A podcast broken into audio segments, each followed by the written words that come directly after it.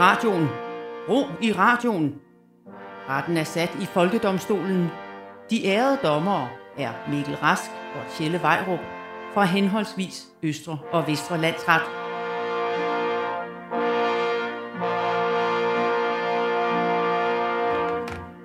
Vær hilset, ærede dommer Vejrup. Og vær hilset ærede dommer Rask, og vær hilset ærede lytter af Folkedomstolen på Radio 4. Programmet, hvor øh, Mikkel og jeg gennem de sidste år og et par måneder har gjort os til dommer over stort og småt. Øh, debatterer det til døde med vores utømmelige tredje grads viden og kaster om os med domme, som var de karameller på sidste skoledag. Præcis. Og det må jo sige at være nogle særlige afsnit, vi skal optage nu. Det er nemlig det næst sidste afsnit i dag af Folkedomstolen nogensinde på Radio 4. Og fra marts, så skal ja, vi derfor... Øhm... Femte sidste. Femte sidste afsnit, vi optager i aften. Nej, det er det næst sidste. Vi har sidste afsnit i næste uge. Nej. Marts med, ja, og så er det slut. Ja, det er rigtigt. Altså, det er som sådan rigtigt nok, hvad du siger. Øh, vi, vi havde jo øh, udløb her øh, til marts, ja. men vi er faktisk lige blevet forlænget med tre uger øh, ind i april, fordi der opstod en udfordring med det program, der skal afløse os. Så velkommen til Folkedomstolen. Og, undskyld, øh, undskyld, har, har du bare sagt ja til det? Jeg, jeg har fået andre opgaver. Jeg, det har jeg ikke tid. Jeg skal lave et one-man-show til efteråret. Altså, jeg, det, det, jeg har masser at lave. Det vidste jeg faktisk godt, så jeg har fundet en afløser. Velkommen til Folkedomstol. Undskyld, så, så det skal man lige forstå. Det her program, som jeg har været med til at starte og bygge op siden 1996. Øh, siden 1996, ja, ja. man kan høre vores første afsnit, hvis man går tilbage. Det bliver kørt i garagen af en anden end mig. Det er det, jeg skal forstå lige nu. Ja, og nu kan vi simpelthen ikke lige nå at tale mere om det, for nu kommer hende dame der og siger den der ting. Hvad for, Folkedomstolen præsenterer sag nummer 1. Og dommer Rask, vil de være venlige at præsentere sagen for lytterne? Så gerne. Regeringen foreslår... ja. Regeringen foreslår nu at forbyde salg af tobak permanent til alle født efter 2010. Også når de bliver myndige, ja, mind you. Øh, så de facto et totalt tobaksforbud, bare forsinket, fordi det vi mangler lige efter corona, det er flere restriktioner med en meget lang tidshorisont. Det er det, danskerne sukker efter. Ja, og jeg kan mærke, at du er imod forbud. Ja. Altså rygeforbud. Ja, det er jeg. Men altså, vi er enige om, at du ikke er ryger. Nej, vi er enige ikke... om, at du aldrig, altså, du aldrig har været Jeg har aldrig ryg, røget en cigaret. Der er ingen af os to, der ryger jo. Øh, ja. Men altså, Tjelle, først kom de efter rygerne. og så næste gang bliver det os, der spiser for mange chips. Ja. Altså, hvis, hvis, jeg har det sådan med den her sag. Det er principielt. Hvis folkesundhed trumfer personlig frihed, bare mm det, det gør det bare i deres øjne, så bør vi jo indføre obligatorisk løbetur for alle. Ugh. Og kun grøntsager. Altså, det, ja, det, er, det er en glidebane, det er jeg ikke bange for at sige. Jeg stiller mig som anklager i sagen Folket mod tobaksforbud. Altså, jeg forsvarer, og det er der mange grunde til. En af dem er, at jeg i forvejen ikke er ryger, så hvis du hvis jeg skulle, altså, jeg, jeg lever op til det. Jeg gider ikke til at ud og løbe. Det er den ene ting. Øh, og så fordi, for forsvarer jeg, fordi jeg har været festryger øh, i tidligere i mine unge dage, og jeg er stoppet. Ja, kan du se. Jeg er stoppet.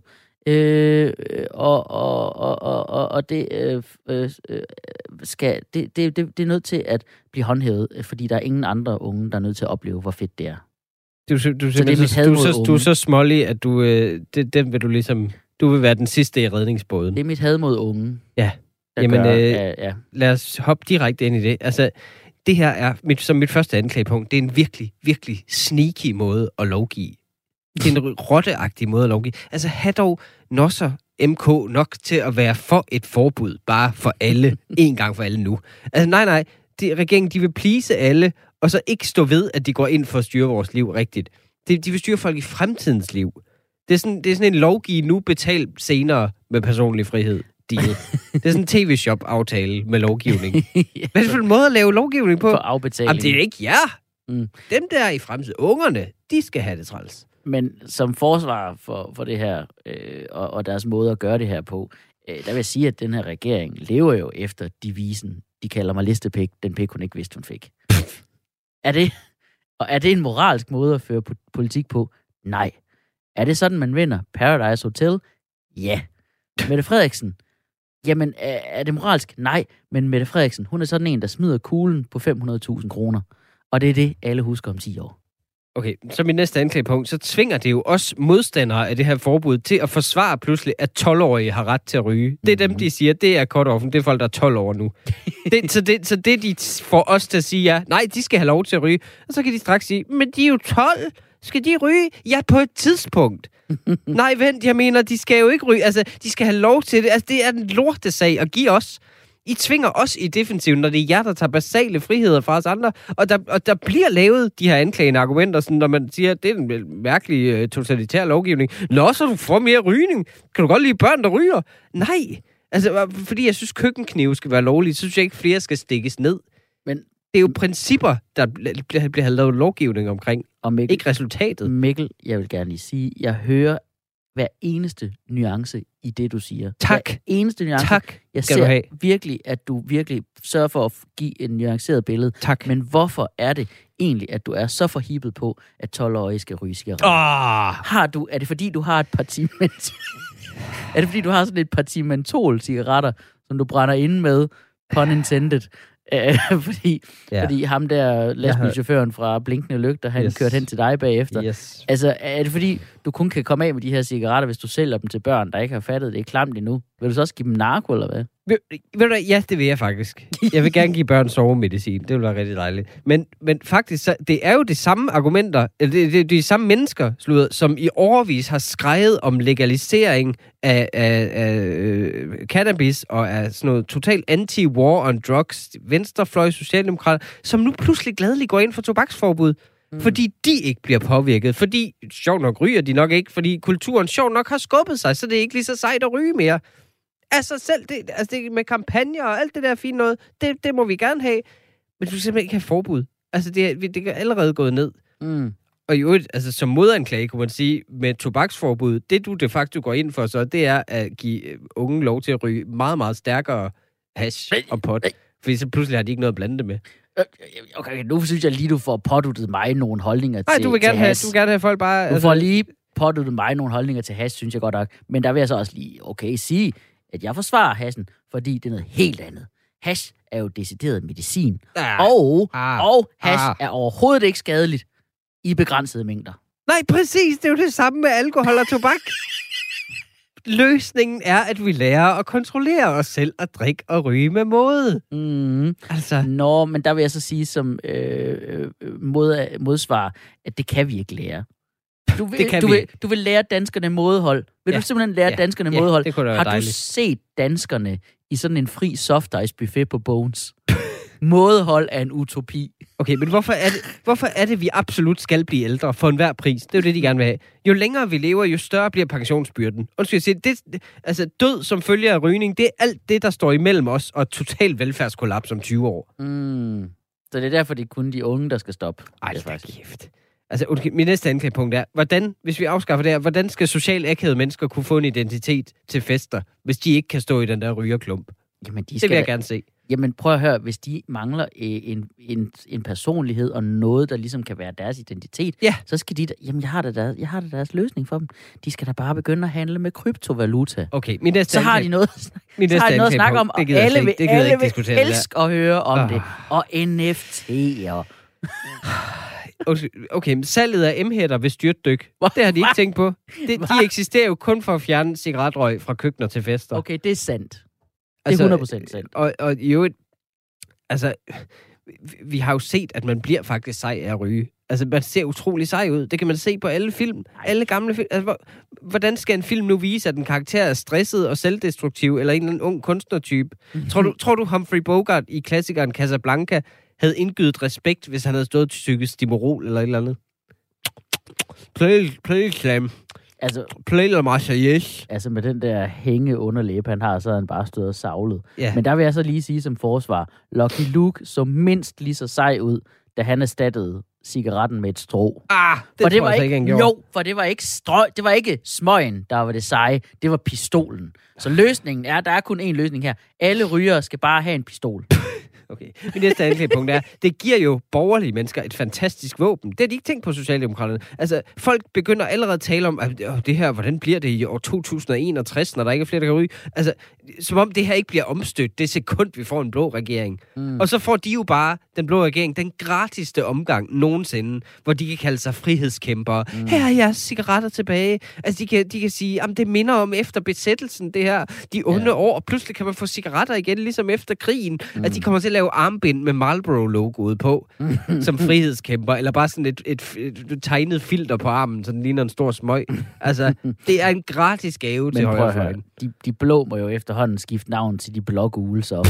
For deres tænder er blå af rødvin, og deres fingre er gule af smøger. Ej, det er for at støtte Ukraine, de har det. Okay, sidste, sidste anklage. Okay, min sidste anklagepunkt er, formanden for DSU, Dansk Socialdemokratisk Ungdom, er imod det her.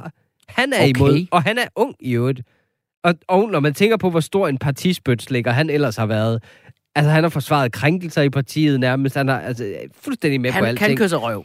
Det gør han. Ja. Han vil gerne op til tops. Altså, det, det, og så siger han, nej, hertil er ikke længere. Det minder jo om, at Darth Vader pludselig bliver god til sidst i Star Wars-filmene, og smider kejseren i, i et hul.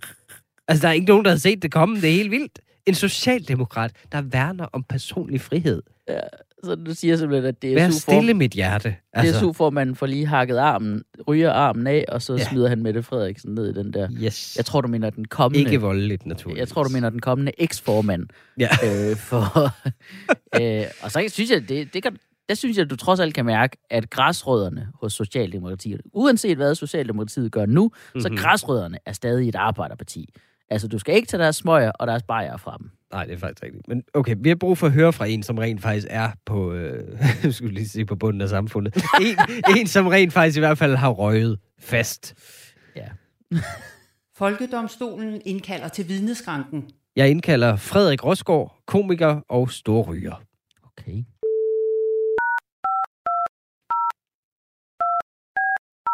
Er du sikker på, at han ryger?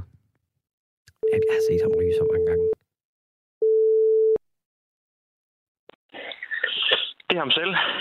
goddag, Frederik Rosgaard. Ham selv. Goddag. Her er det Mikkel Rask fra Folkedomstolen på Radio 4. Ja, goddag Mikkel.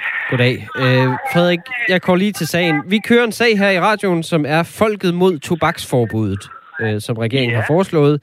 Øh, jeg er anklager i den her sag, og jeg er altså imod det her foreslåede tobaksforbud for folk født efter ja. 2010. Øh, og Frederik, kan du kort beskrive som ekspertvidne dine rygevaner? Øh, du er jo, jeg, som jeg, jeg, jeg kender dig, stor ryger. Du, undskyld, hvad? Jeg ryger ikke længere. Nej. Frederik, det er Tjelle Vejrup. Jeg er forsvar, og øh, du har spillet bolden...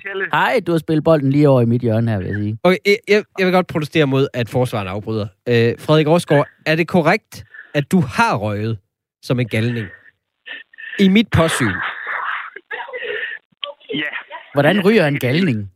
Det er meget, meget intenst sugende. Det er to på en gang. Med et vildt blik. Gerne flere på en gang. Og, og hvorfor er det, du oprindeligt begyndte at ryge? Jamen, det er fordi, at det, det er sejt. Altså, øh, det, det giver nogle, en, en masse venner og en masse coolhed. Præcis. De sagde, det ikke gjorde forældrene, men det gjorde det virkelig.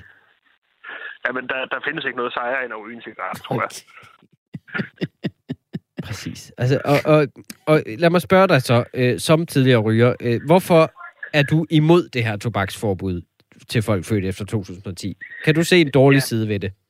Selv som Jamen, altså, Ja, jeg synes egentlig, det er fint, at man gør noget for, at unge de stopper med at ryge, men, men hvis man laver det der forbud, så stiller vi os jo selv i en, en situation, hvor vi på et tidspunkt kommer til at have en gammel dame i en eller anden provinsby, der er født i 09, og som er den sidste, der må købe cigaretter, og folk kommer jo til at valgfarte der til, og hun kommer jo til at være en eller anden, en eller anden kingpin. Det er, jo, det er jo sådan en, en, en røgens Mad Max, vi kommer til at starte, hvor, hvor, hvor det er en kvinde, der sidder på alle banderolerne af, af kartonger af, af, af Blå Kings.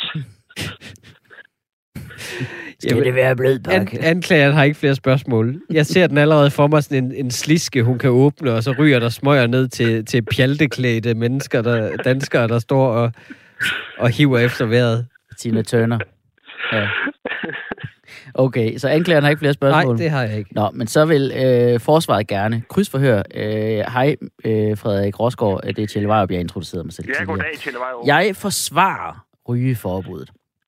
Ja. Og, øh, og øh, øh, udover at øh, jeg synes, du lige har beskrevet, hvad der lyder som en, en fremragende omgang fiktion, så vil jeg også bare sige, lyder det ikke ret spændende egentlig? Altså, altså det der et forbud. Altså, det lyder lidt spændende, gør det ikke? Jo, altså også. Altså man kan også sige, nu hvor, nu hvor hvad nu, der, der er længere udsigt til at komme på pension, så kan det jo også være en måde, måde for de ældre at tjene lidt ekstra ja. til, til fødselsdagsgaverne. Ja, ja, ja. Og, og plus, plus at, at... Som sortbørshandler simpelthen. Men, men, ja. men, men Frederik, du, altså, du siger jo også selv, det er noget af det sejeste, ikke? Er noget af det seje ikke også lidt, at det, det er ulovlige? Jo, det er klart. Jo, jo mere ulovligt det bliver, jo, jo federe bliver det. Ja. Som en rigtig rebel, ikke? Jo. Ja. Så det, det, er jo det, det er jo i det øjeblik, at vi accepterer, at nogen ryger, at det bliver okay. kedeligt. Okay, tak. Tak, tak skal du have. Ja, men vi, okay, men så siger vi tak til vidnet. Er der overhovedet en forsvar her længere? Altså, øh, eller en, en anklager. Altså, for det eneste, jeg hører, det er et kanon godt forsvar. Ja, et kanon godt forsvar. Ja, tak. men tak. Det er godt, Frederik. Lige mosen. Hej, hej. Nå. Som afsluttende procedure i den her sag, efter det skuffende vidne, ja. så vil jeg bare påpege, at hele den socialdemokratiske bevægelse, alle, alle dem, der foreslår det her nu, deres bevægelse, hvad udspringer den af? Det er socialismen. Ja. Det er arbejderkampen, som udspringer af hvem? Det er Karl Marx, mm. som var storryger. Han var den største ryger. Han udtalte, og jeg citerer nu, jeg tjente ikke engang nok på Das Kapital og det kommunistiske manifest til at betale for alle de cigarer, jeg røg, mens jeg skrev dem. Det er et citat fra Karl Marx. Det var aldrig blevet til noget. Uden røg, så ville I slet ikke have fået den idé, at I skal bestemme over andres liv så meget. Mm. Så helt ærligt. Okay, det, synes jeg, det synes jeg trumfer alting. Et eller andet sted, ikke? Så har jeg det også sådan, du vil det her rigtig meget, kan jeg mærke. Så, ja, tak. Altså, jeg er villig til at give dig den. Skal vi ikke bare... Du får den her. Fint. Godt. Er du klar? Karl, ja, jeg har en dom. 10 kendes for ret. Det planlagte tobaksforbud forbydes. Hvil... Forbud mod forbud. Præcis, og hvilket jo bare gør forbuddet spændende, så folk vil mødes i smug og ikke ryge. Det er rigtigt. Ja, så bliver lige pludselig de sejeste, det er dem, der ikke ryger. Ja. Folkedomstolen præsenterer sag nummer 2. Dette er Folkedomstolen på Radio 4, hvor vi nu for en gang skyld skal til en god nyhed, der handler om krigen i Ukraine. Ja, ja fordi i forbindelse med flygtningestrømmene fra Ukraine, øh, som jo er øh, strømmet ind i Polen, nabolandet, er den polske grænse simpelthen blevet sådan et øh, hotspot, øh, hvor mange tager hen for at hjælpe så godt som de nu kan på forskellige måder. Øh, blandt andet øh, er der en historie om, at en ejerne af en dansk food truck er kørt øh, ned til den polske grænse for at uddele gratis burger til ukrainske flygtninge. Det var da en dejlig nyhed. Ja, præcis, for så er der en food truck mindre i Danmark. Ah, okay. Det er okay. den gode nyhed ved det.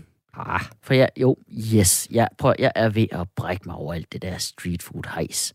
Og det er ikke kun på grund af den madforgiftning, jeg fik øh, sidst, fordi det laves under re, urene forhold. Jeg, jeg, altså, okay, jeg, brækker mig, jeg brækker mig af to år. Så du, du anklager det? Yes. Jeg, jeg vil meget gerne forsvare street food, food trucks, fordi at, øhm, jamen altså, det smager bare godt, og det er nemt.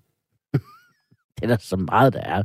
Det er sådan en... en, en, en og at du, jeg har ikke fået madforgiftning en, Det er sådan en mikrobølgeovnslasagne, så vidt jeg er også ved, nemt. Så vidt jeg ved, har jeg ikke fået madforgiftning Okay, min første anklage er, det er uautentisk. Altså, jo, er vi ikke enige om, var det ikke noget med, at du ikke opdagede, at du fik corona? Jo, det er rigtigt nok. Okay, min første anklage mod street food Jeg har altid trucks. dårlig mave, altså det ja, gør ikke ja. nogen forskel. Det er pisse uautentisk. Prøv at, street food og food trucks er hvide mennesker, der går ind og overtager madkultur fra andre lande, ligesom vi har gjort med alt andet. Det er bare okay. det er kulturel appropriation. Okay, som forsvar vil jeg så ja. sige, de eneste, der går op i, om ting er autentiske eller ej, er hvide mennesker. øh, og det er jo sin helt egen kultur efterhånden, det her street food. Det har jo ikke noget med de oprindelige retter eller lande at gøre. Det er bare street food mad. Altså, ja. det, det er jo ikke rigtig koreansk mad. Det er sådan en fem gange dyrere version af det. Ja, men det, det er jo blevet fordansket af lige. Altså, det er jo blevet super fordansket, ikke? Det er jo det, der er så klamt. Ja, det er selv, perfekt. Nej, det er det ikke. Det er selv. Du ved, fordi så, så, så, så kan man jo ikke få den der autenticitet, man går så meget op i. Jeg vil da bare have en thai med person- frikadeller i. Det er da fint. Mm, Jamen, det, det, jamen hvorfor? Jamen, det, det er da ikke fedt at have, at en, en, en person, der sælger thai, øh, selv når thai, personen, der, der sælger thai street food, er thai, så har de jo alligevel været nødt til at tilpasse opskriften. Så ingen, fordi ingen danskere kan klare krydderier, medmindre det er revet peberrod eller et eller andet, og der er lige et råt æg ovenpå. Nej, det, ej, det kan faktisk rive lidt, det der revet peberrod. Øh, Ja, det må vi godt fjerne, eller hvad? Ja, det må de faktisk gerne. Øhm, altså, der er jo i forvejen altid lang kø til dem, og meget ventetid. Så det er jo faktisk en service, at de, altså, at de, at de gør Forestil dig, hvis de rent faktisk puttede den rigtige mængde chili og ingefær i. Altså, mm. Mm-hmm. Men prøv at- street food heller er jo decideret det modsatte af street food, er min næste anklage. Street food, det er jo der, hvor du er. Altså, det, det, er jo, det er jo sådan noget med, at du er på vej fra et punkt til et andet punkt. Du er på vej på arbejde, du er på vej på hjem fra arbejde, du er på vej mellem jobs, og så går du forbi noget, og så samler du det op. Ja, giv mig det der, giv mig det der i hånden, her er øh, Ja, en bat, ja, eller et eller andet, og så går man videre, mens man spiser det. Altså, nu, nu, nu er street food blevet noget, som ligger stationært et sted i en hal eller whatever, ikke? Så nu skal du gå et særligt Ja. hen, sted hen, hvor det er stationært. det er jo Aarhus ikke engang... street food, det, jamen, Aarhus der, street ja. food, øh, øh, Herning har vist også Ja, Randers, Odense, København, den der lå ude på øh, Refshaløen. Det er jo et stationært sted. Det er ikke engang på en street. Det er på en hall. Det er, hvor er streeten? Der er ingen street.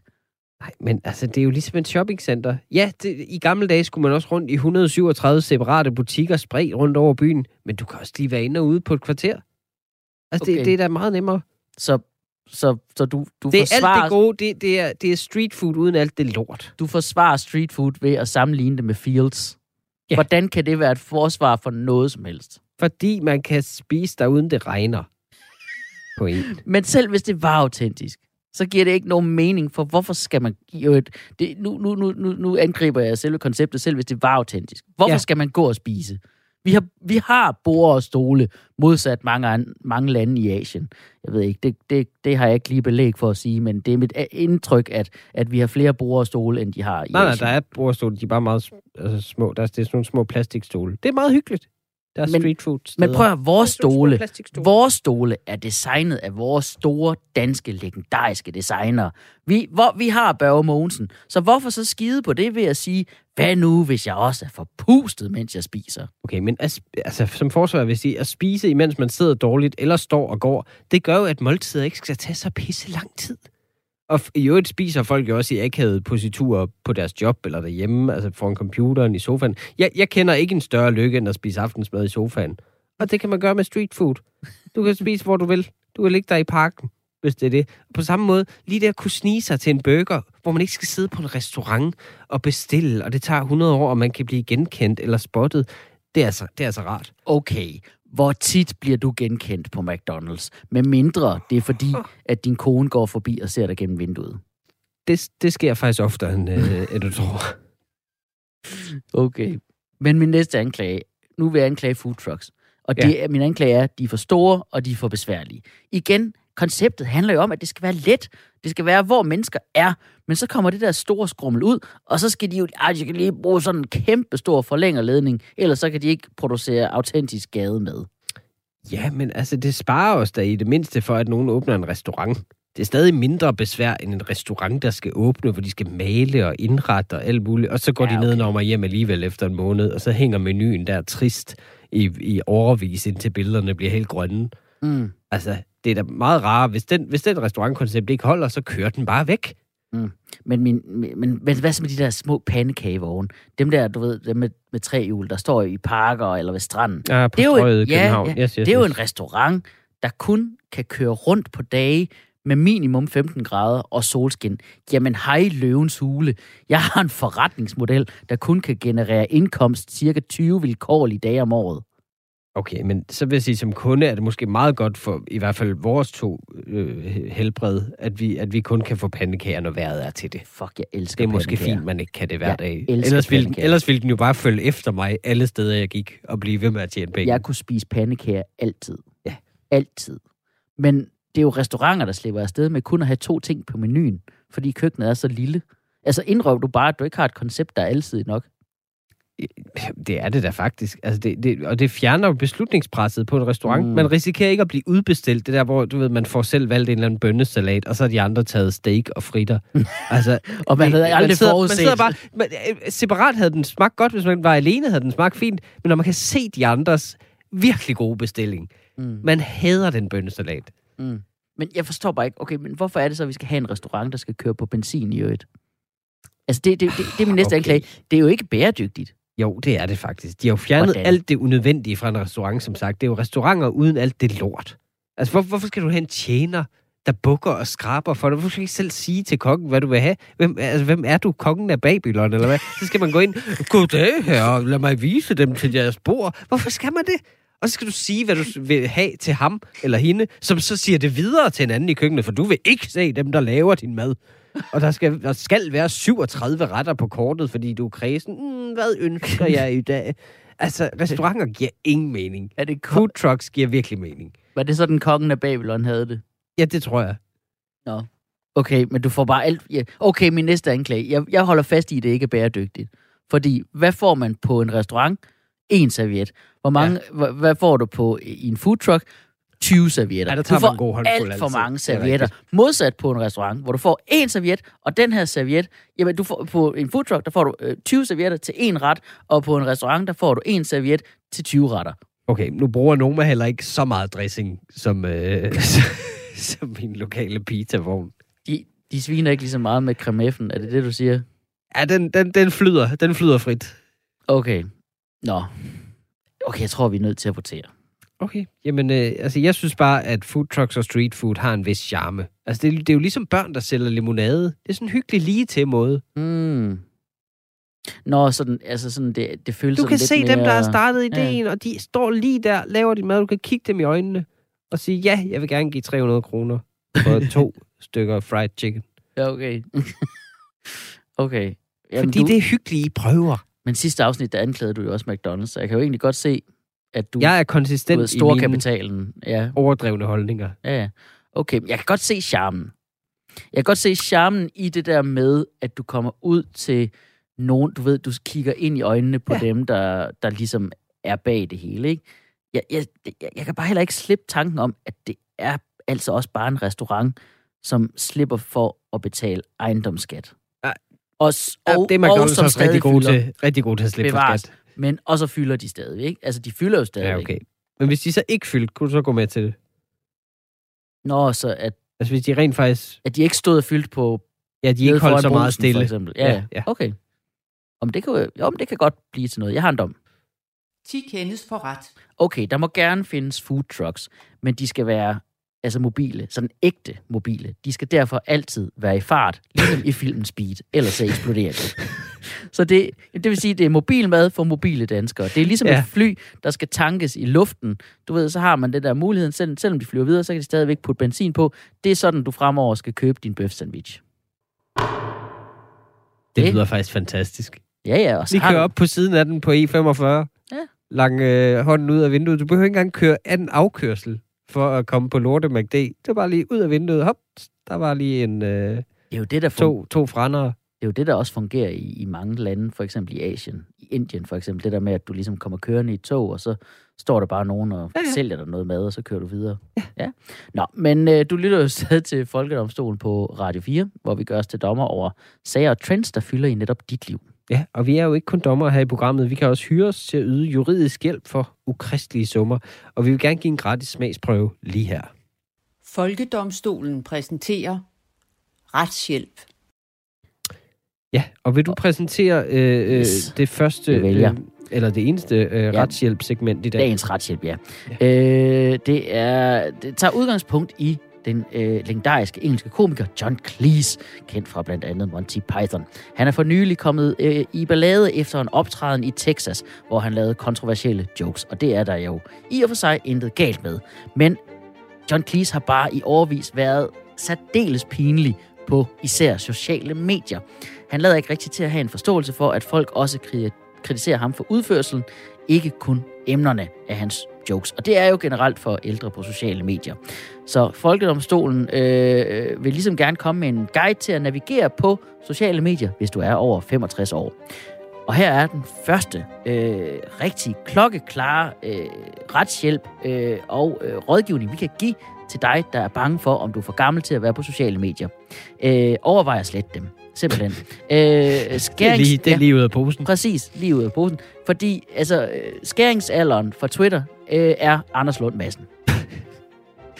Så hvis du kigger dig i spejlet og er lige så gammel som Anders Lund Madsen, overvej at slette den. Og hvis du kigger dig i spejlet og ligner Anders Lund Madsen, så opsøg læge ja. og sociale myndigheder. Ja, og hvis du kigger dig i spejlet og står og klør dig selv i håret, ligesom Anders Lund Madsen, lusekur. Øh, næste råd, øh, retshjælp til øh, ældre mennesker på sociale medier er, når du tager en selfie, kig ind i kameraet. Det er den, der, det er den, der er lige oppe i toppen. Øh, jeg ved godt, det er enormt fristende at kigge på din finger, imens du tager billedet. Men fingeren, den skal nok finde knappen. Kig ind i kameraet. Overvej en anden vinkel end, end lige op i din hage. det, det er altid det samme. Ja, præcis. Det, løft telefonen. Den, den er måske... Så køb en lettere en. Mm-hmm. Øh, og det næste rådgivning er, undlad eventuelt at bruge all caps og slutte sætninger med prik, prik, prik, udråbstegn. Mm-hmm. Det, det ved jeg ikke, om du har lagt mærke til. Der er mange, mange ældre, der gør. De siger noget lidt kontroversielt, og så prik, prik, prik, udråbstegn. Det lyder som om, du siger, bla, bla, bla, jeg er imod regeringen. og, og så øh, øh, eventuelt prøv at se lidt indad. Jeg ved godt, at du som 70-årig kan få lyst til at belære unge mennesker om, at de deler for mange billeder af sig selv, men det klinger desværre lidt hult, hvis du primært deler billeder af din hund. Ah, det er hunden selv, der, der deler dem, vil jeg lige påpege. Den har givet øh, den, den, har, den har profilbilledet, ja, så jeg går ja. ud fra, det den, der gjorde det. Yes. Øh, næste råd. Hvis du føler trang til at påpege, at du, citat, har bygget det her samfund faktisk, så husk venligst på, hvor meget du også har snydt i skat i tidens løb. En del, ja. Og fået lavet sort arbejde. Og husk af til på, at du også selv har været ung engang, og at du endnu ikke havde opbygget den uendelige visdom, du jo tydeligvis har nu. Og så husk på, at du altså ikke kan sidestille alle dine erfaringer med nutidens unges. For eksempel kan det føles fristende at skrive, dengang mine børn var små i 1975, der fik de aldrig lov til at se på iPad. Men bare lad være. og når du skriver sætningen, hvad bliver det næste? Så bliver det næste, at folk ikke tager dig seriøst. Præcis. Og så er der en god lille huskregel. Der, må ikke, øh, der, der, ikke, der findes ikke ting, man ikke må længere. Man må faktisk stadig gøre og sige stort set alt inden for lovens rammer. Det har John Cleese for eksempel ikke forstået. Øh, til gengæld øh, så er det et andet spørgsmål, om det er i orden, øh, og om det var i orden dengang. Og det var det nok ikke. Vi var måske bare lidt mere ligeglade med andres følelser i 90'erne, hvilket i øvrigt også kan afspejles i din måde at opdrage børn på dengang, hvilket igen fører til rådet om, at det skal man ikke blande sig i som ældre på sociale medier. Også til slut, øh, fordi en hjemmeside er sat grafisk op som et nyhedssite, så betyder det ikke, at den er det. Hvad? Når du linker til noget eller læser noget. Det kan sagtens være noget fuldstændig fordækt. For eksempel sådan et bitcoin-scam, som er lavet til at ligne børsen.dk med en eller anden udtalelse fra en kendt, der har købt bitcoin. Eller øh, politikken.dk, der er lavet til at ligne en seriøs avis, men i virkeligheden bare er en række klummer om alt muligt lort. Eller en side, hvor du lige pludselig har booket danser med drenge. Nå, vi skal også videre til næste sag. Folkedomstolen præsenterer sag nummer 3. Ja, du lytter til Folkedomstolen på Radio 4, hvor vi er i gang med at dømme i sager om alt det, der skaber røre i parnasset. Uh, ja, ja, ja. Og noget, der skaber røre i parnasset. Jeg ved, nu. jeg ved ikke, hvad parnasset er. Jamen, parnasset, det er, øh, det er der, øh, det, det, det er andedammen for folk med monokkel. Okay. Okay, ja. For øh, der er en jazz-DJ, der hedder Jonas Visti. En jazz-DJ. en jazz. Han, han, han er en DJ, der spiller jazz. Ja. Øh, han, Jonas Visti. Han har, øh, han er lige kommet med en ny... Øh, han har været på en ny DR-dokumentar om musikgenren black metal. Ja. Øh, og jeg, jeg må indrømme, jeg er i tvivl om, om det udtales black metal eller black metal, eller om det skal, jeg tror nu skal, skal, skal udtales norsk black metal. Øhm, han er i hvert fald... Det, dokumentaren handler om, at han øh, nysgerrigt dykker ned i en musikgenre, som han ikke selv kendte til i forvejen. Øh, han er jo jazz-DJ. Øh, øh, så han arbejder jo selv på en øh, døende musikgenre, som kun portvins elskende hornbrilletyper, der elsker sixpences efterhånden selv kan lide. Okay. Jeg kan ikke lide portvin. Resten er rigtigt. Ja. Men altså, vi har jo allerede debatteret jazz, og ja. øh, jeg gider ikke, at jeg fortsat skal høre for det øh, i øvrigt. Men altså, Altså, hvad så? Er du, altså, kan du godt lide black metal? Din rockbunderøv. Jo, hov, hov, hov. Prøv at, jeg var faktisk i tvivl før dokumentaren. Men nu, hvor jeg har set den, og set, hvor latterligt, øh, jeg har faktisk ikke set dokumentaren, men jeg har set, hvor latterligt black metal fans reagerer på den, øh, og reagerer på det der med, at deres genre bare ikke beskrives præcis lige, som de selv ønsker det. Så, øh, så er jeg nu blevet overbevist om, at det faktisk er noget juks. Så øh, jeg vil faktisk gerne stille mig som anklager i sagen Folket mod black metal. Så forsvarer jeg det. Ja, jamen øh, det, det kan jeg mærke, at, at det er fordi, du elsker det. Min første Sommer. anklage, ja, min første anklage mod black metal er, de er, hvorfor er de så vrede? Jeg forstår ikke, hvorfor de skal være så vrede. Har, har I hørt det? De er bare... Hvorfor er de, hvad er det, de er så vrede over? Er de ikke med i et band? Det er, det er da livet for et ungt menneske at spille musik med sine venner. Tjelle, jeg ved da ikke, hvorfor de er vrede. Men det er jo perfekt, at de er det. Og, de, og det er jo perfekt, de også er vrede over den her dokumentar. Det er jo naturligt. Altså, hvordan skulle de have, have reageret? De havde jo ikke været black metal-fans, hvis de havde været sådan, det er bare en knaldhammerende god dokumentar, I har lavet. Den er vi bare så tilfredse med. Altså, det, det er jo perfekt. Hvis dokumentaret havde gjort dem glade, så røg hele deres eksistensgrundlag jo. Ja. Og det er jo den perfekte musikgenre til at være vred i. De kan jo skrive sange om ham der, Jonas der. Ja. Altså, hvis jazzfans blev rasende, hvad, hvad ville de så gøre? Altså, de havde ikke noget at gøre. De, de kunne knips folk ihjel. Eller du ved... Så prøver, prøver at smadre sådan en stor kontrabas på scenen. Mm, men, men, men jeg kan jo godt acceptere vrede. Ja, min anklage er, at jeg kan ikke håndtere deres vrede.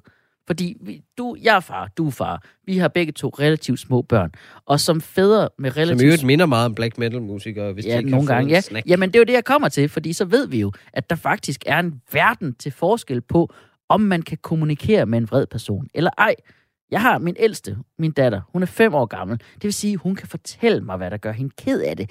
Det er en voldsom stor hjælp, finder man ud af, fordi du har babyer, ja. to babyer, yes. og de skriger, om de så er sultne, eller mætte, eller trætte, eller glade, eller sure, eller keder sig, eller ligger dårligt, eller har en ved blæ, våd blæ, eller om det er ømmegummer. Uanset hvad grunden er, så skriger de. Skriger, skriger, skriger, skriger, skriger. Og hvordan er det nu lige, at metalmusikere udtrykker deres vrede ved at skrige? Jeg har faktisk overvejet at sætte nogle trommer på det. Og så bare udgive det. bare loop det. Jeg er faktisk ikke i tvivl det er ikke om, en dårlig at det, idé. det kunne sælge. Ja. Men min næste anklage er, hvorfor må man nu ikke kunne høre, hvad de lære siger? dem at sige satan. Jamen, hvorfor, Nå. men hvorfor, jamen, det, er jamen, det vil jo ikke engang, det vil jo ikke engang nytte noget at lære dem at sige satan, fordi du må ikke kunne forstå ordene. Hvorfor må man ikke kunne få høre, hvad de siger?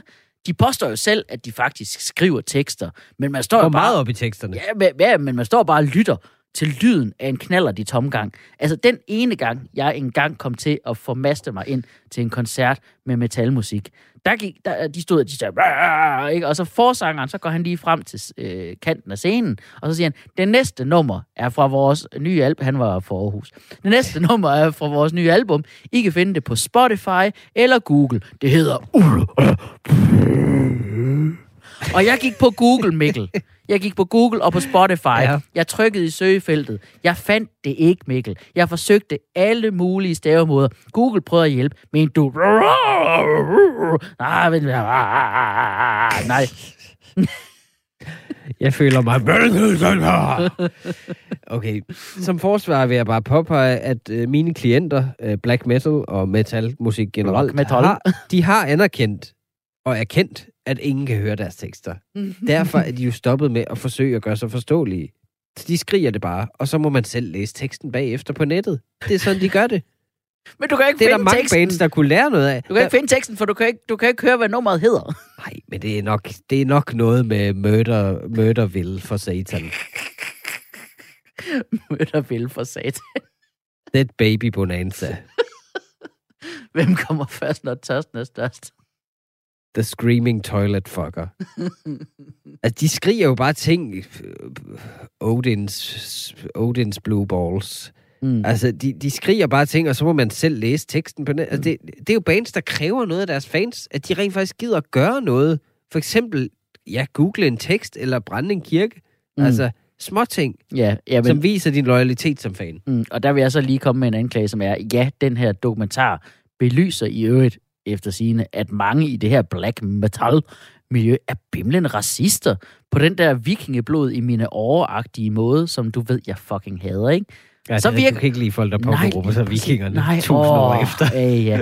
Og så virker en... Fordi de har fået nogle tatoveringer. Præcis, ikke? Og når det så lige pludselig får den her øh, øh, duft af racisme, så er det som om, så virker en kirkeafbrænding pludselig ikke så uskyldig længere, vel? Nej, men øh, som forsvar Ikke så hyggeligt, sige, som det var før. nej, præcis. Racismen og højre nationalismen og vikingetrenden i black metal, den kan ikke bevises. For du kan ikke høre, hvad de synger. Det er kun artikler om dem og anmeldelser ja. og udtalelser fra dem selv, der siger det, men rent faktisk kan det ikke bevises, at sangene handler om noget af det.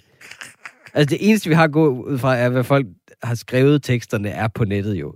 Men det er jo op til fortolkning. Altså, jeg lytter måske til og hører, bliv i skolen, kom til tiden, få en god pensionsordning. Måske er det det, den sang betyder for mig. Okay, så du siger simpelthen... Bare leveret energisk. Du siger simpelthen, at, at deres øh, altså black metal-teksterne er simpelthen endnu mere sådan underfundige end sådan Peter Gabriel, eller hvad ved jeg, sådan... Altså, det, er, sådan... det, det, det er bare Niels Havsgaard leveret hurtigere. ja, du, du hører det der. Jeg hører bare en endeløs opfordring til racistisk vold. Godt. Som forsvar vil jeg godt anerkende, at der findes racister i black metal, som i øh, alle andre, men det er jo også naturligt, at der er mange der, fordi det er en ekstrem genre af musik, som er opstået, fordi en gruppe hvide mennesker desperat har prøvet at opfinde en musikgenre, som andre etniciteter ikke var bedre til at spille. Og så er der altså bare ikke så meget tilbage andet end det. Altså, så der, der er nogen, der er endt der, og står deroppe i Norge med kadavermaling i ansigtet, helt ked af det, ensomme i en lang læderjakke op på et fjeld. Altså, lad dem nu bare være. Okay, men altså... så, så, så, så en af grundene til, at de er så vrede er... De er nødt til at, at lave en undergenre, hvor de er racister, for det er den ene ting, som, som brune mennesker ikke er bedre til. Nå, okay, men der tænker jeg så også, der, så tænker jeg bare på, måske er de så, netop så vrede, fordi så kommer der et band som Sepultura fra Brasilien, og faktisk er ret gode. Det er sikkert pisse. Ja, det er også pisse. Det er rigtig meget af. Men okay. Har du flere ja, ja, Så det, jeg hører, er, at, at, at racismen især er udpræget i black metal. Ja. Øh, I den specifikke genre. Ja, ironisk nok, ikke? Men det er så åbenbart ikke udpræget i dødsmetal, eller speed metal, eller thrash metal, eller dansk metal, fagforeningen. Og der er ret meget. der er ret meget racisme i dansk metal. Men jeg forstår bare ikke, hvorfor der skal være så mange undergenre, der fucking lyder ens. Øh, øh, øh. De lyder ikke ens. De lyder ikke ens. Det... Hvordan? Gud. Hvad det, er forskellen? Det er noget med pitchet af growls, og... Øh, og hvor melodiske teksterne er, hvor teknisk det er, oh. øh, symbolikken og billedsproget i uh, teksterne. Okay. De, øhm, du er så kikset lige nu, at det bringer mig videre til min næste anklage, for deres bandnavne er så kikset. Det, det lyder bare som om en 10-årig skulle finde på noget sejt. Hvis, hvis de siger, hvad er sejt 10-årig? Så siger Corpse, Obituary, Venom, Goat Fucker. Seriøst, er der aldrig nogen, der lige stopper op og tænker, ej, det er faktisk lidt kliché at kalde os for Mayhem. Hvad nu, hvis vi kalder Sunshine Lollipops i stedet for, eller et eller andet? Okay, som forsvar vil jeg sige, at bandnavnene er ikke kiksede. Nå, er det er ikke det? bare nørdede. Vil du, øh, vil du også kalde en tatovering af pigtråd på armen kikset, måske? Eller, eller nordiske symboler med slanger og blod i øjnene? Nej, vel? Det har været sejt, siden man var 12 år gammel, og det vil aldrig stoppe med at være sejt. Okay. Fordi de skal bare smadre altid hinanden. Hvorfor skal de altid smadre hinanden? Ah, det er sjovt. Det er så sjovt. Sådan nogle metalfans, de er faktisk ikke særlig voldelige jo, fordi mm. de får afløb for det hele til koncerten. Det er ikke ligesom rap-koncerter, okay. hvor, hvor alle står og hygger og skæve og vugger lidt op og ned, og så bagefter går de bare ud og stikker nogen ned. Mm. Altså metalfans, de har moshpitten som er der, hvor man skubber hinanden frem og tilbage, men der er regler for det, man hjælper hinanden. Og jeg ved godt, det mest er associeret med thrash og death metal og generelt heavy metal, men det sker også til black metal. Og hvis I bliver sure over den her uvidenhed, jeg lige øh, øh, kom tæt på, black metal fans, så undskyld. Jeg ender sikkert i helvede nu. Eller himlen. Hvad end, hvad end I synes er en dårlig ting. okay. Okay, øh, øh, videre. Øh, jeg vil gerne indkalde et vidne, som okay. har noget større kendskab til øh, metalmusik, end vi to har. Altså, ja. du har kun været til én metal-koncert, og det har jeg også kun. Ja, okay. Folkedomstolen indkalder til vidneskranken. Hvem indkalder du? Michael Mølebach Christiansen, a.k.a. Jøden. Indkalder du Jøden? Ja, rapperen Jøden. Til at snakke om dødsmetal? Ja. Eller black metal? Det gør jeg faktisk. Okay. Hvad så der?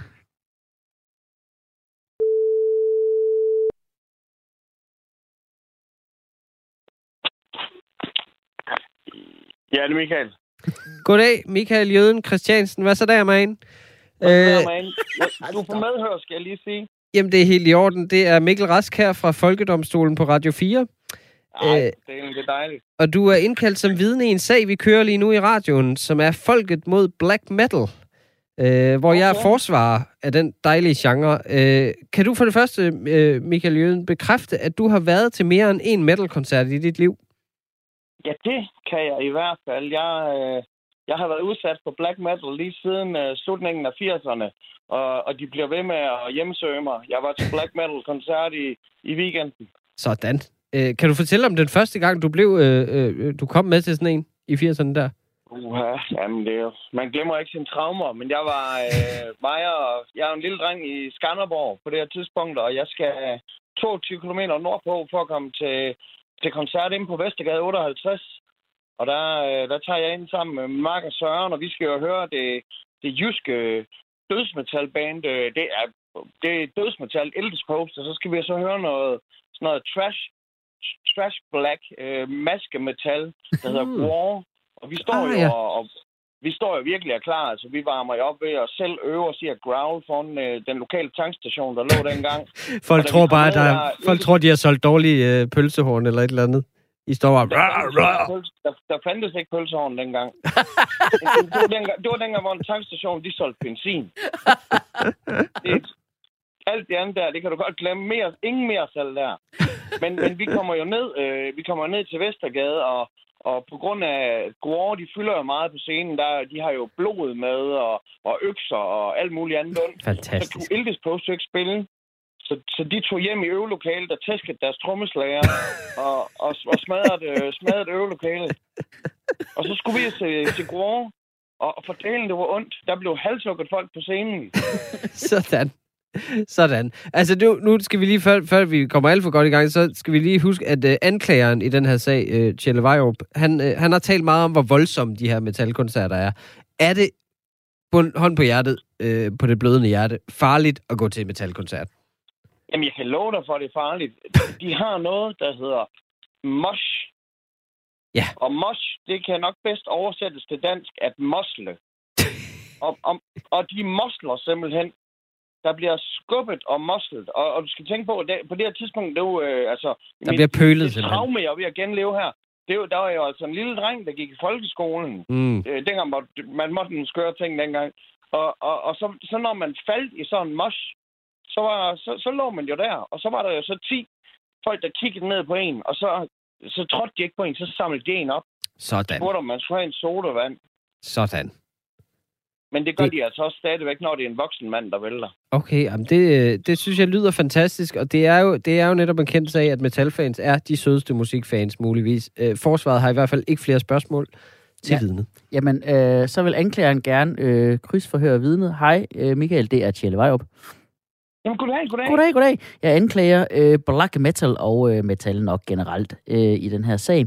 Og øh, Michael, det lyder sørme som en øh, festlig aften, I havde jeg der. Øh, især med alt ja. det te, øh, teaterblod. Øh, blev du meget beskidt øh, af det? Jamen altså, det er jo, der var jo to ud af tre væsker. Altså, der, det var blod, sved og tårer. Måske græd de i Eldes Post øh, over, at de ikke skulle spille. Det var måske tårerne. Men ellers så svedte vi jo meget, og så var der jo det her, jeg håber, det var, ikke var griseblod, øh, men hvis det var talerblod, som jeg tror, det var, så øh, jeg var jo drenched, jeg var jo soaked, jeg var jo gennemblødt. øh, og, og stakkels far Ip, vi havde jo lånt Sørens fars polo, øh, som der så, øh, den var helt, altså den har haft andre klamme ting i sig senere, men den var helt, helt blodig. Okay. Og, da jeg kom hjem, så skulle jeg jo have noget søvn, fordi jeg skulle op dagen efter, det var en skoleaften. Og dagen efter, da jeg vågnede og skulle vaske det der af, så fandt jeg ud af, Jamen, ja, det havde ligesom marineret i løbet af, af natten. Så, så dagen efter, der kom jeg i skole med kunstigt teaterblod ind i alle mine porer i mit ansigt. Og du ved, sådan noget teenagerhud der har jo ret mange åbne porer. Så jeg lignede jo en ung Pippi Langstrømpe på nær det røde hår, der var virkelig fregner. Ja. Åh, oh, det der teaterblod, det skulle vist have været vasket af samme aften. Nå, øh, tak. du griner af mig? Nej, overhovedet ikke. Det, det er oh. et frygteligt traume, Michael. Vi siger tak til vidnet. Tusind ja, det, tak. Det var så lidt. Det var så lidt. Det er godt. Hej, hej du. Hej med jer. Okay. Det lyder, synes, det, det lyder er, meget Det er en oplevelse, som hvad, hvad har han været, 12-14 år gammel, og har pludselig oplevet sådan en okay. pop fiction situation mm. med sådan en bil fyldt med blod, man men, bare skal slippe af med lige pludselig. Men synes du ikke, at det bare, musikken er, er den ikke meget, meget høj? Jo, det, jo, det er den. Det, er, det vil jeg godt sige, det er den. 10 kendes for ret. Okay, så har jeg en dom. Som når jeg lader, ligesom når jeg lader børnene se tegnefilm om morgenen, så skal det være helt lavt. Øh, så jeg kan sove. På samme måde, så skal black metal øh, bestå på en måde, hvor vi kan blive ved med at ignorere det. Okay, så black metal får lov til at bestå, hvis de lige skruer lidt ned. Og ja. Lad os tage den sidste. Folkedomstolen præsenterer sag nummer 4. Ja, du lytter til Folkedomstolen på Radio 4. Mit navn er Tjelle Vejrup, og jeg og min meddommer Mikkel Rask behandler og dømmer aktuelle fænomener på danskernes vegne. For eller imod, så du ved, hvad du skal mene, kære lytter. Og Dommer Rask kom med en sag. Det var virkelig ulækkert. Okay, så der har været premiere på en ny Pixar-animationsfilm. Rød hedder den, som handler om en kinesisk-kanadisk pige, der kommer i puberteten og bliver forvandlet til en stor rød panda, når hun bliver følelsesmæssigt ophidset. Mm. Så en kæmpestor menstruationsmetafor. Yes. Ekstremt modigt, vigtigt. Første gang en Pixar-film er skabt, altså helt af en kvindelig instruktør. Mega fedt. Uh, ja, der er ikke noget børn elsker mere, end at deres animationsfilm er vigtige for samfundsdebatter. Øh, jeg kan huske, hvordan jeg som barn tænkte, tænkt, hvorfor taler Ninja Turtles aldrig om at få de første kønshår?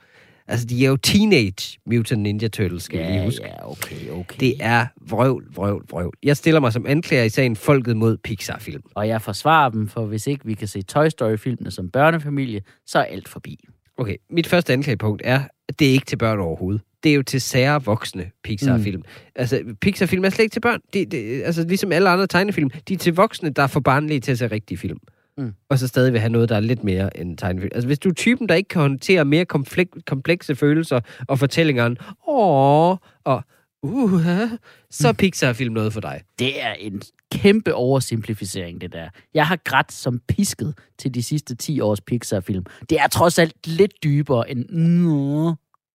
Jamen, det er jo netop det. De er helt kynisk kalkuleret til at få dig til at græde. Det er følelses hardcore porno.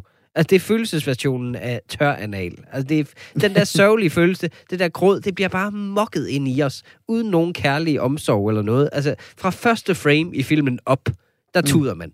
At der ja. er sådan en sekvens med en lille gammel mand, der mister sin kone, og noget trist musik indover. Uh, uh, uh. Hvorfor skal jeg se det? Mm. Jeg har selv mistet familiemedlemmer. Hvorfor skal jeg se en tegnefilm, der minder mig om det? De er da bare rørende det skulle da et tegn på OK god kunst, eller hvad? Nej, det er ikke. For de snyder jo. Det er fordi, det er animeret, at det er ekstra rørende. Altså, hvem, hvem vil gide at se en ægte rotte i et restaurantkøkken? Man vil brække sig. De har sygdommen. Men det er pludselig sødt og rørende i Ratatouille, fordi den har nogle små menneskeagtige øjne og kan holde en ske. Okay, så en rotte, altså, fordi en rotte ikke kan lave mad, så må jeg ikke blive rørt af animerede følelser. Præcis. Og jeg kan jo ikke huske den der video med en rotte, en real-life rotte, der kommer slæbende med et pizzaslice, ikke? Og ved du hvad? Det gjorde mig hjertevarm, for jeg tænkte, det der, det kender jeg. Okay. Min næste anklagepunkt er, at Pixar er prætentiøse. De laver kun sådan nogle meget konceptborede film, der kommer mere og mere op i deres egen røv. Altså, det er sådan noget, øh, lad os personificere følelser. Lad os lave noget om sjæle. Ja, god idé til en tegnefilm. Altså, hvad, hvad, hvad er der nu galt med en talende kanin, der laver jokes og får en jægerskevær til at skyde ham selv i røven? Hvornår stoppede det med at være et kriterie for animationsfilm, at de fucking var sjove? Hvorfor er det ikke en ting mere? Nå, hvad så, fæsser? Kan du bedst ja. lide, når det hele bare er mere en til en? Ja, det kan jeg det, faktisk. Det er da det, Pixar gør. De får tingene ned på jorden, så vi kan forstå verden øh. bedre. Hvor, hvad, hvad, hvor det, du kan lide... Øh, altså, det, det, du kan lide, det lærer os, at man kan male en dør på et bjerg. Men og det så gå ind ad den, ja. ja. men det er ikke alle, der kan komme igennem den. Okay, det var faktisk det var faktisk lidt socialrealisme. Ja, det er et godt budskab, faktisk. Ja. Okay, min næste anklagepunkt er, at børn er ikke fan af de her. Og det er det samme som det første, fordi det stadig er sandt. Mm. Pixar-film bliver båret af, at det er noget, forældre kan holde ud at se. Det er, det er faktisk at se Shakespeare med børn. Børnene fatter ingenting, fordi mm. de er fyldt de her film med voksen-jokes og hentydninger til politik og popkultur og alt muligt. At det, det er jo for svært, åbenbart, at fortælle en helt naiv eventyrhistorie længere. Nej, det skal være en meditation over døden, eller, eller øh, klimaet og sådan noget. Nej, ej, tak. Nemt at spise pop popcorn til. Okay, Mikkel, jeg tror, og nu det vil jeg sige, det er sårbart, så jeg vil gerne forsøge at pakke det lidt ind. Men jeg tror måske, Mikkel, at dine børn er for dumme til at se Pixar. Det er jeg også så. altså, det, det, jamen, det, det ligger i familien så. Altså, de, Altså, det er også bare det med, at de, ja. kom, de er computerlavet. Jeg kan ikke lide, de er computerlavet. De skal være tegnet tegnefilm. Ja. Det eneste, jeg tænker, når jeg ser en computerskabt verden, det er The Matrix. Altså, jeg kan sådan se dem animere rotten for mig, i stedet for nogen, der sidder kærligt og tegner en lille Mickey Mouse på en juledamper. så du drømmer om, at, at, man at sidde og tegne hver enkelt lille bevægelse, Mickey Mouse Ja, laver. at nogen har gjort det, men i stedet okay. for bare at sidde på deres computer. Men det er jo også fra den gang, hvor der ikke fandtes ergonomiske arbejdsredskaber, så de giver bare konstant op og genbruger alle bevægelser. Nå, okay. vi skal importere. Ja, prøv at du må da indrømme, der er flere kalorier i det her, end så meget andet animeret skrald. Ja, det er der der er for mange kalorier i. Der er så mange kalorier i, at man får et dårligt hjerte af det. Fordi man bliver så pisserørt hele tiden. så jeg, jeg har en dom. Der er for meget dopamin i. Okay. 10 kendes for ret. Eftersom Pixar gerne vil være mere og mere for voksne åbenbart, så dømmes de til bare at droppe facaden og stoppe med at animere deres film.